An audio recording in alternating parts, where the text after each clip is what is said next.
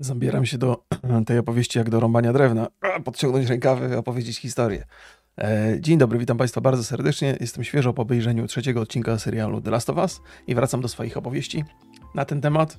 Nie wiem, gdzie mam kamerkę, nie mogę się przyzwyczaić. Od czasu do czasu muszę Państwu spojrzeć w oczy i nie jestem do końca pewny, czy ją dobrze lokalizuję. Proszę miłego Państwa. To będzie trudna opowieść, na pewno, ponieważ e, ten odcinek ma pełne prawo być kontrowersyjnym albo postrzeganym przez niektórych jako kontrowersyjny. E, na razie mm, sprawdziłem sobie świeżo oceny. E, trzeci odcinek na IMDb jest ponad 11 tysięcy głosów, średnia 9,4. Także powiedziałbym wysoko. E, tą moją opowieść podzielę dzisiaj na trzy części, by bacznie zwrócić uwagę na każdą istotną, każdy element tej opowieści. Po pierwsze opowiem Państwu o historii i o fabule, o tym, co się wydarzyło w odcinku trzecim, więc spoiler, rzecz jasna. Potem pogadamy sobie o ewentualnych kontrowersjach, które mogą się wydarzyć. A na końcu o jakości samego odcinka z takiej perspektywy trochę mniej filmowej, a bardziej w kwestii opowiadania historii, bo w tej filmowej moja wiedza jest znikoma, w kwestii opowiadania historii też, ale dlaczego miałbym nie powiedzieć, jak mam coś do powiedzenia, nawet jeżeli to nie może, może nie mieć sensu? Trzeba próbować, nie? Jak ktoś powiedział mądry, człowiek jest głupi tylko za pierwszym razem, za drugim już jest trochę mądrzejszy, nie? Obejrzałem ten trzeci odcinek, sprawił on mi dużo radości i przyjemności i oglądałem go e, z uwagą e, i także go oceniam dobrze. E, nie uważam, żeby to był najlepszy odcinek, jak zresztą szumnie zapowiadano, co jest dla mnie pewnym zaskoczeniem, ale sobie do tego przyjdziemy, przejdziemy przy, przy kontrowersjach. Natomiast w kwestii samej historii. Mamy okazję poznać w zasadzie dwie, właściwie kontynuować. Pierwszą Joela i Eli, E, i jest to opowieść, w której oni mają szansę poznać się bliżej, chociaż idzie to mozolnie, ale to jest jasna rzecz, zważywszy na to, co się wydarzyło w poprzednim odcinku i jaki jest Joel. E, I to się odbywa w zasadzie w dwóch aktach, w pierwszym i w ostatnim. I tam, tam w zasadzie nie dzieje się wiele na, na, tej, na, tej, na tym gruncie porozumienia między nimi, ale coś się dzieje. Spędzają ze sobą czas. Joel opowiada Eli o tym, jak się zaczęła ta pandemia, bo ona jest niezwykle ciekawa. Próbuje dociekać, czy być może to wynikało z ugryzienia małpy, e, co się kupy nie trzymało, bo jednak cały świat runął nagle, niespodziewanie. I Joel opowiada historię, którą my pewnie już znamy dosyć dokładnie. Podejrzewam, że ona na potrzeby serialu jest odrobinę inna niż była w grze, więc by Państwu ją przytoczyć, chociaż pewnie Państwo znają doskonale, ale by się upewnić, że dobrze wszystko zrozumiałem. Wygląda na to, że te pierwsze, pierwsze zarodki grzyba przytrafiły się ludziom w produktach spożywczych. To nie od razu zaczęło się od ugryzienia ugryzienia nastąpiły później. Natomiast produkty spożywcze to były takie, które bazowały głównie na, na mące, takie jest przypuszczenie. E, a o ile sobie przypominam, chyba w drugim odcinku była historia z Jakarty i tam pierwsze, pierwsze zarażenia pojawiły się w młynie albo w jakimś takim miejscu, w którym magazynowano mąkę. Że tam było doskonałe środowisko do rozwoju tego grzyba, stąd też, e, stąd też on się tam pojawił po raz pierwszy. I należy zakładać, że ta mąka, która w Jakarcie grała taką ważną rolę, była transportowana na, na cały świat. I ludzie jedli z tego produkty spożywcze i to praktycznie jednocześnie trafiło na wszystkie rynki i w związku z tym y, świat się posypał y, brutalnie i w, w bardzo krótkim czasie, więc władze nie miały za bardzo okazji zareagować na to. Więc y, Joel opowiada tę historię, to się odbywa za pośrednictwem ekspozycji w dialogu, czyli idą gdzieś tam przez, przez, przez jakąś drogę, gdzieś pośród lasów, pośród łąk i opowiada tę historię, patrzymy głównie na bohaterów, co ma sens. W normalnych warunkach ekspozycja dialogiem jest czymś, co jest uproszczeniem opowiadania historii, natomiast w tym przypadku ma sens, ponieważ tę historię i jej tło mieliśmy okazję poznać na bazie poprzednich odcinków i poprzednich opowieści, więc teraz ważniejsza była ta relacja między bohaterami i fakt, że Jolie, Joel, jo, Joel i Eli to proszę Państwa Jolie, że Joel ma w ogóle ochotę opowiadać coś Eli. Więc tak się to zaczyna, a potem, potem jest e, ten moment retrospekcji. Ja lubię retrospekcje w tym, w tym serialu i w pierwszym i w drugim odcinku one były zacne. I mamy powrót do tego roku 2003, gdzie dochodzi do bardzo nieprzyjemnych wydarzeń. Ludzie, którzy zostali, są wywożeni do tych stref kontrolnych, to się po angielsku nazywa Quarantine Zone, QZ, mówią na to w skrócie, ale jak się okazuje, że w miejscach kontrolnych, tych, tych znaczy w miejscach kwarantanny nie ma miejsca, to ludzie, którzy są przewożeni na transportach wojskowych, są zabijani po prostu masowo. E, idea jest taka, że zabity człowiek nie może przenosić zarazy, więc e, żołnierze pozbywają się wszystkich ludzi, którzy potencjalnie mogą być zarażeni, co jest objawem skrajnego okrucieństwa. To już widać ten moment, kiedy ta dyktatura wojskowa przekroczyła wszelkie granice. Jakby moment taki, kiedy mamy do czynienia ze strefą zarażoną, jakim jest na przykład Boston albo, albo Austin w Teksasie, e, i ten teren trzeba odciąć i zabija się ludzi, którzy próbują uciec przez tą linię, przez, przez tą granicę, to jest jeszcze, można to jeszcze zrozumieć. Znaczy jest tam jakaś logika, która jest niezwykle nieprzyjemna, ale uzasadniona.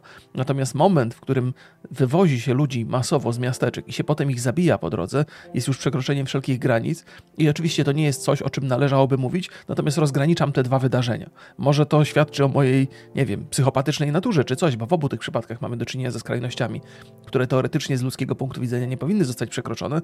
O tyle w pierwszym przypadku jestem w stanie to zrozumieć, chociaż nienawidzę takiej sytuacji. W drugim przypadku to już jest e, przekroczenie wszelkich granic i widać, że to jest ten moment, w którym upadek ludzkości zaczął się nie w kwestii jakiejś apokalipsy i tego grzyba, tylko e, nie wiem, kultury, natury ludzkiej i tego, na co no, możemy sobie pozwolić, a na co nie. E, I to jest ta, ta retrospekcja, i ta retrospekcja właściwie toczy się dalej.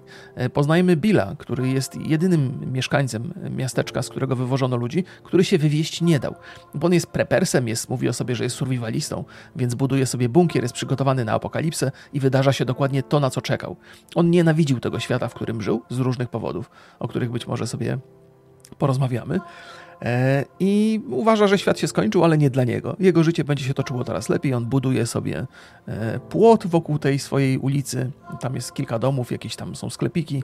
Ma mnóstwo zaopatrzenia. Jedzie do sklepu, który jeszcze na tamten moment jest świetnie zaopatrzony, zwłaszcza w materiały budowlane. Więc buduje pułapki, no całą masę takich rzeczy. No coś takiego, co preppers czy survivalista zrobiłby w czasie apokalipsy zombie. To jest absolutnie stereotypowy przypadek. No i w zasadzie jego życie miałoby się toczyć dokładnie w ten sposób. Od czasu do czasu e, zastrzeli jakiegoś e, zarażonego, od czasu do czasu zarażony wpadnie w jakąś pułapkę. E, rzeczy się dzieją, ale zdarza się sytuacja nieprzewidziana. W jedną z pułapek wpada Frank. Frank przetrwał po upadku jednej z kwarantan, chyba w Baltimore. Baltimore była też kwestia, ta strefa kwarantanny, on uciekał stamtąd, jako jedyny przeżył. Przeżył tę ucieczkę. No i w zasadzie tam Bill najpierw chce go odpędzić, potem go przyjmuje i tam ugaszcza go. Okazuje się, że tak Bill, jak i Frank są gejami, w związku z tym e, tam się nawiązuje romans, a w zasadzie miłość. I to jest taka przyjemna historia w tym kontekście, że oto facet, który być może nienawidził świata, dlatego że mm, nie mógł w nim odnaleźć miłości. E, nagle odnajduje tę miłość w czasach totalnie nie, niemożliwych, e, w czasach apokalipsy. No, to jest miłość w świecie zrujnowanym. I jako taka ta historia ma ręce i nogi, i, i oczywiście można mówić, że tam zbieg różnych okoliczności przedziwnych e, się przydarzył. Dlaczego akurat teraz Bill odnalazł swoją miłość, ale tak czy inaczej jest to opowieść o miłości i jest to opowieść, e, która ma ręce i nogi. I w zasadzie cały ten, cały ten serial toczy się wokół, wokół tej, tej opowieści. Tam mijają lata, dzieją się rzeczy. Po drodze też e, Tess i Joel odwiedzają Billa i Franka, ponieważ Bill, jako stereotypowy preppers, chce się odciąć od całego świata, natomiast Frank jest facetem, który lubi mieć towarzystwo, lubi mieć przyjaciół, lubi mieć znajomych i stara się przez radio odnaleźć właściwych ludzi, by móc ich ugościć. Szczęśliwie trafił na, na e, Tess i, Joela, e, więc e, zawiązali jakąś współpracę, bo oni mogli dostarczać coś naszym bohaterom z, z, Bostonu, a tamci w zamian też mogli dostarczać jakieś części, których tutaj brakowało na farmie. Więc jakaś wymiana handlowa między nimi zachodzi i w zasadzie gdzieś tam w, w, w, podsumowaniu tego odcinka Bill, choć niechętnie nazywa Joela swoim przyjacielem, no bo innego nie miał w zasadzie poza Frankiem. Więc, więc ta historia jest tak, ona pozwa, pozwala nam trochę wziąć głęboki e, oddech i uspokoić się trochę po wydarzeniach z pierwszego, drugiego odcinka, gdzie te Zwłaszcza drugi odcinek był bardzo intensywny, trzeci zwalnia, zwalnia to tempo, ale opowiada mm, ciekawą i, i, fajną historię. moim zdaniem. Na końcu dzieją się rzeczy, które odbiegają znacząco od tego, co mieliśmy okazję zobaczyć w grze.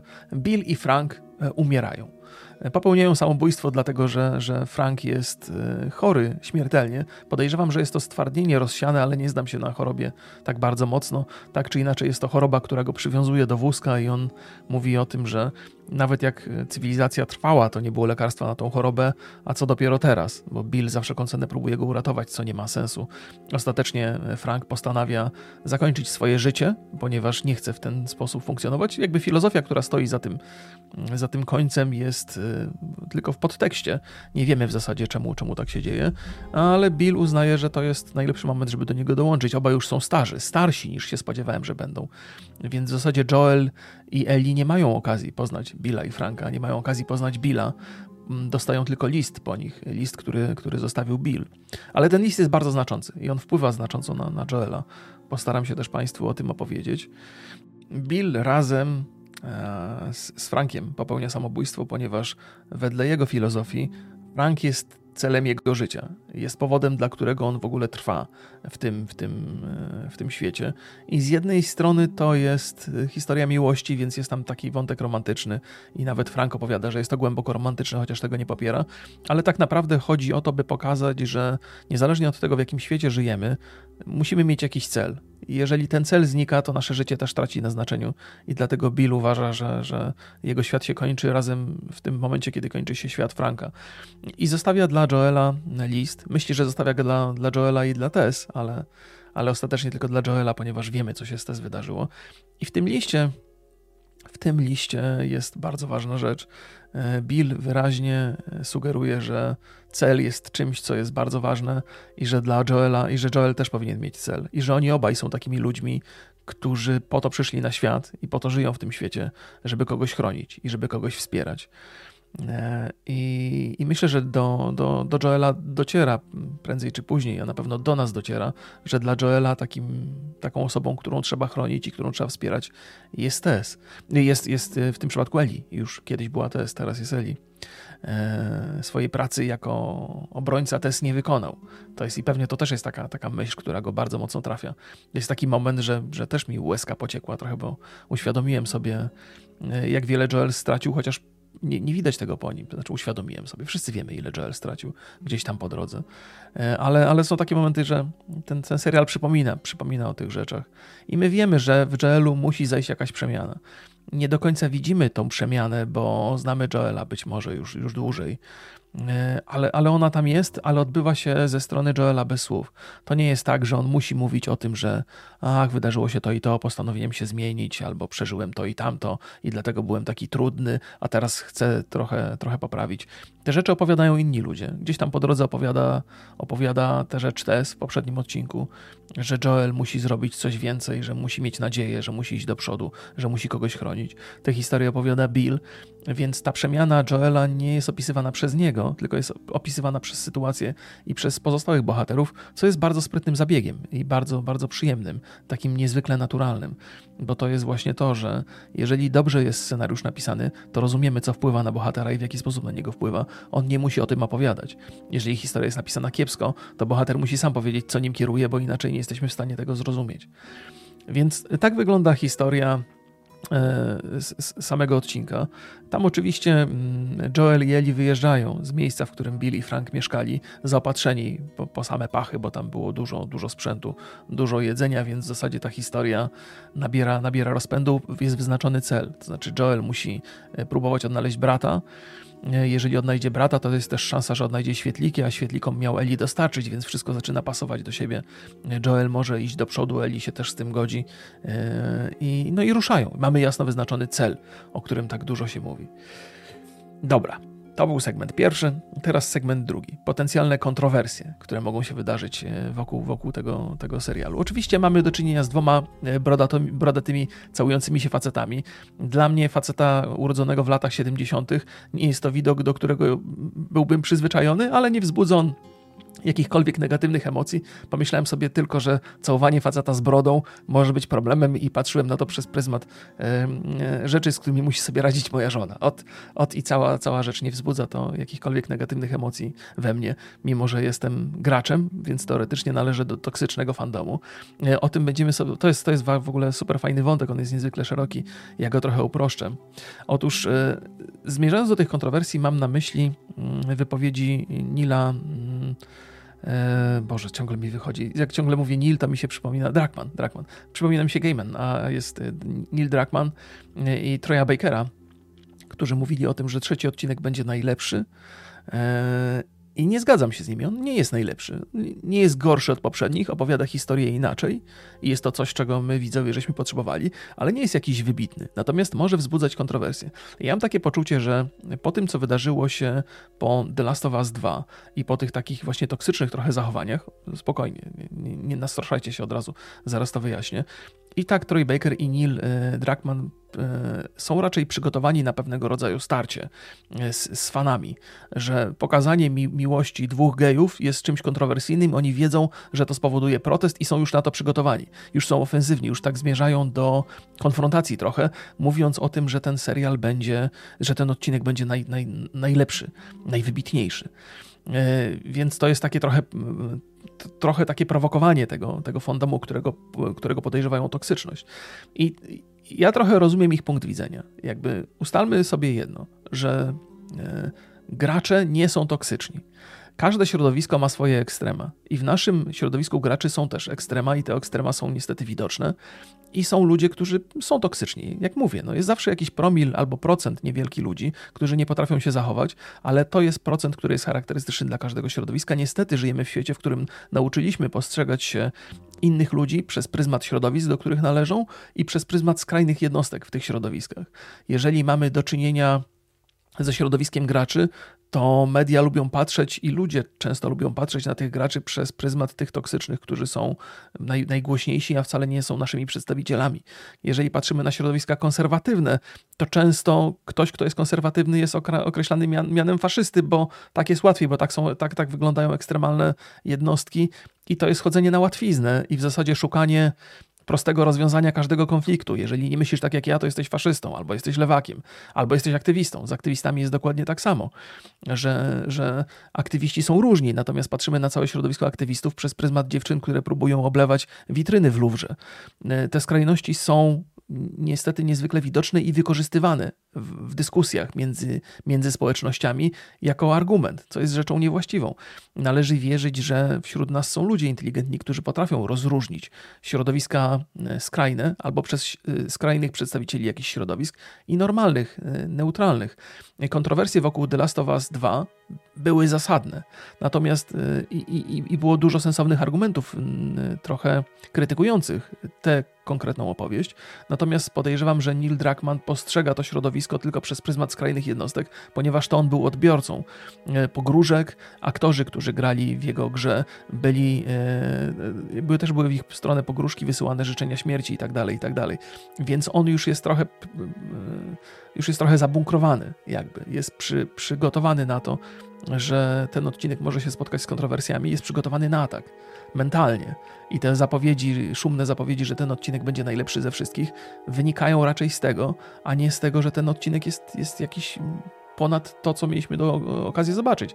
Powiedziałbym, że jeżeli chodzi o opowieść, on jest na równym poziomie, jak wszystkie, natomiast jeżeli chodzi o dynamikę, to zdecydowanie zwalnia, ale ma zwalniać, taki jest jego cel, więc określanie go mianem najlepszym, najlepszego jest, wychodzi poza mm, rzetelność.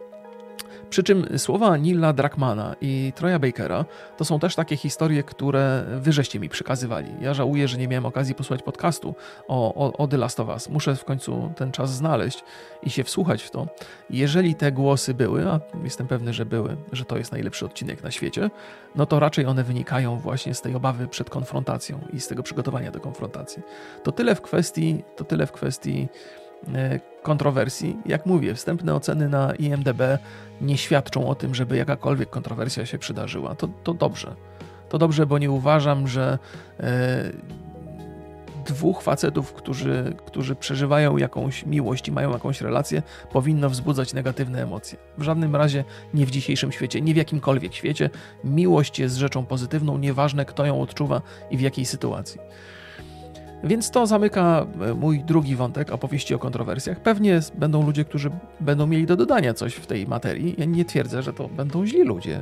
Być może ja czegoś nie dostrzegam, być może coś mi umyka, być może jest to bardziej kontrowersyjne niż mi się wydaje, no ale każdy z nas ma osobiste spojrzenie na tego typu sprawy i to, czy ja uważam to za kontrowersję, czy nie, nie zmienia e, stanu faktycznego, nie zmienia tego, co tam się faktycznie wydarzyło. Każdy czuje to na swój własny sposób.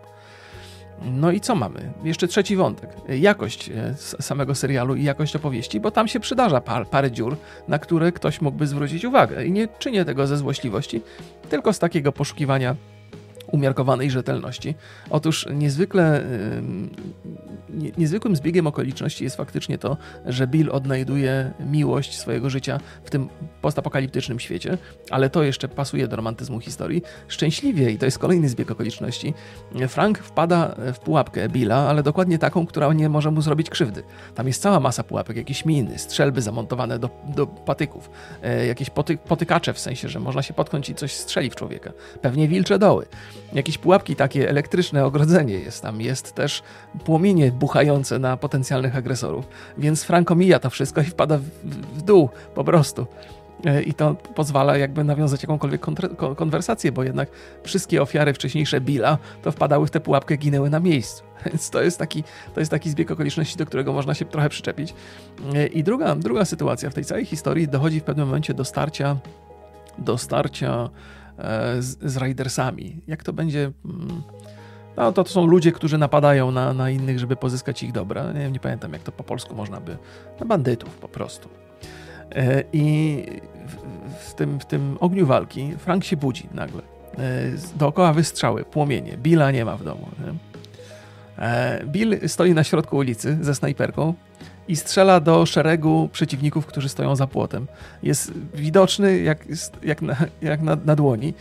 I oczywiście dostaje kulkę w brzuch, no bo jakże inaczej miałoby się to potoczyć ale w jego zachowaniu nie ma absolutnie żadnego sensu. Ja rozumiem, że w ogniu walki może dojść do jakichś absurdalnych zachowań, ale nikt nie stoi na środku oświetlonej ulicy, strzelając do ludzi, którzy wychodzą z cienia gdzieś tam pośród płomieni, których absolutnie nie może być widać. Bo nawet jeżeli buchają tam płomienie, to z tyłu jest ciemna ściana lasu, nie ma żadnych absolutnie świateł. I jedyne co, to te płomienie mogą, mogą Billa oślepiać. No ale stoi na środku ulicy i wali, kurde, z tej snajperki kompletnie bez sensu, gdzie mógłby się schować z jakimś, nie wiem, płotem, wzniesieniem, jakimś samochodem, czy za czymkolwiek i strzelać z bezpiecznego dystansu. No ale oczywiście to prowadzi do, do, do postrzału i tam jest jakiś taki wątek, jest wątek rozmowy. Bill ma okazję pokazać, jak bardzo mu na Franku zależy i na tym, że Frankiem trzeba się, on, on ma takie poczucie, że jest, jest obrońcą Franka, co być może dla Franka nie jest specjalnie budujący, bo on też jest facetem, ale też jest artystą. On, on, wierzy w przyjaźń, o tym opowiadałem wcześniej, więc Bill postrzega siebie jako jego obrońcę i, i, i strażnika i też yy, szykując się na swoją, wedle jego pomysłu, yy, nadchodzącą śmierć, mówi, no słuchaj, zadzwoń do Joela, Joel się tobą zajmie i tak dalej. No nie no, Joel by się nim nie zajął za bardzo. I jest jeszcze jedna rzecz, której mi bardzo zabrakło w tym odcinku. Otóż yy, wcześniej Tess w drugim odcinku wyraźnie sugeruje, że Bill i Frank, a na pewno Bill ma jakieś powody, by mieć wobec e, Joela jakieś zastrzeżenia, że tam się musiało coś wydarzyć, e, czego nie wiemy, co, co było niezwykle znaczące dla tej relacji i mogło negatywnie wpłynąć na Billa ale przez całą tą opowieść to nie zostało potwierdzone. Wiadomo, Bill i Joel nie bardzo się ze sobą przepadają, ponieważ oni są przedstawicielami tego samego świata, czyli ludzi, którzy są gotowi na brutalność, żeby chronić to, co jest dla nich najbliższe. I, no i razem ze sobą nie mogą za bardzo współgrać, bo no bo to są takie poglądy i takie postawy, które się zdarzają. Oni są takimi typowymi samcami alfa, którzy są gotowi na brutalność. Ot i tyle. No nie, nie, nie mogą współżyć ze sobą jakby na, na tym poziomie. Ale to jest jedyna nić nieporozumienia, jaka między nimi zachodzi. Natomiast wyraźnie widziałem i historia z gry chyba to opowiada dokładniej. Bill ma podstawy, żeby za Joelem nie przepadać, więc spodziewałem się, że tam dojdzie, doszło gdzieś po drodze do jakiejś zdrady, jakiejś zawiści, jakiegoś coś y, Joel i Tess zrobili, co teraz trzeba naprawić, bo Tess wyraźnie mówi o tym, że trzeba coś naprawić. Ale na razie do tej pory nie wiemy, co trzeba naprawić i nie wiemy, że i, i, i wiemy, że między Billem i Joelem nie doszło do, do, do czegoś dramatycznego. Ale na koniec e, jeszcze jest jedna opowieść, która, mm, która jest w zasadzie taką moją może fantazją, może spekulacją. Otóż zapowiedziano drugi sezon e, The Last of Us. Wiemy o tym, Bill Druckmann to potwierdził, e, Neil Druckmann to potwierdził i nie jest to coś, co powinno, co nas zaskakuje, spodziewaliśmy się tego. Natomiast Moją nadzieją jest to, że drugi sezon The Last of Us nie opowie drugiej części gry. Wydaje mi się, że między pierwszą częścią gry a drugą częścią gry minęło tak dużo czasu, że między te dwie historie można jeszcze wrzucić kilka innych. I na to mam nadzieję. Mam nadzieję, że ten serial nie zostanie zamknięty drugim, niezwykle nieprzyjemnym sezonem, bo to jest historia opowiedziana w The Last of Us 2, ma sens, Stoi za tym logika, rozumiem to i okrucieństwo ludzkie z różnych stron uderza, natomiast nie jest to przyjemne dla fanów. Jeżeli ktoś, wiele razy o tym opowiadałem, że wiadomo, że w życiu, w życiu dzieją się rzeczy złe i niedobre i spotykają też ludzi, do których jesteśmy przywiązani. Ale to, co spotkało Joela w drugiej części The Last of Us jest, jest na tyle bolesne, że nie sposób od tego mm, uciec, i to dlatego, że w grze byliśmy nim. To, to my byliśmy yy, Joelem. I to my jesteśmy. Cholera, teraz nie chcę czasem, bo, bo, teraz pomyślałem sobie, głupio by było Państwu zaspoilerować drugą część gry, bo nie każdy, jakby rozumiem, że jesteśmy tu na takich jasnych zasadach, że oglądaliśmy serial i sobie rozmawiamy o nim. Natomiast być może yy, wchodzenie w drugą część gry byłoby pewnym nadużyciem. Więc okej, okay, uznajmy, że druga część gry jest kontrowersyjna i jest, yy, i mamy prawo jako uczestnicy tej historii czuć się źle z tym, jak ona została opowiedziana i jak zostali potraktowani bohaterowie. Nie zmienia to faktu, że życie jest okrutne i mogą się rzeczy okrutne przydarzyć, natomiast no, my też możemy wobec tego okrucieństwa świata odczuwać ogromną niechęć i niesmak. To też mamy do tego prawo, nie? Pod warunkiem, że nie jesteśmy toksyczni i nie wysłamy pogróżek aktorom i reżyserom gry, bo to już jest, to już jest nadużycie i to już jest przegięcie. Więc liczę na kolejne sezony The Last of Us i niekoniecznie, i moją nadzieją jest ta, że drugi sezon The Last of Us nie będzie opowiadał e, drugiej części gry, tylko między tymi wydarzeniami e, przytrafią się jeszcze inne, niezwykle interesujące rzeczy, bo naprawdę jest tam miejsce na to, nie? Pozdrawiam Was bardzo serdecznie, dziękuję za uwagę, trzymajcie się. Hej, hej.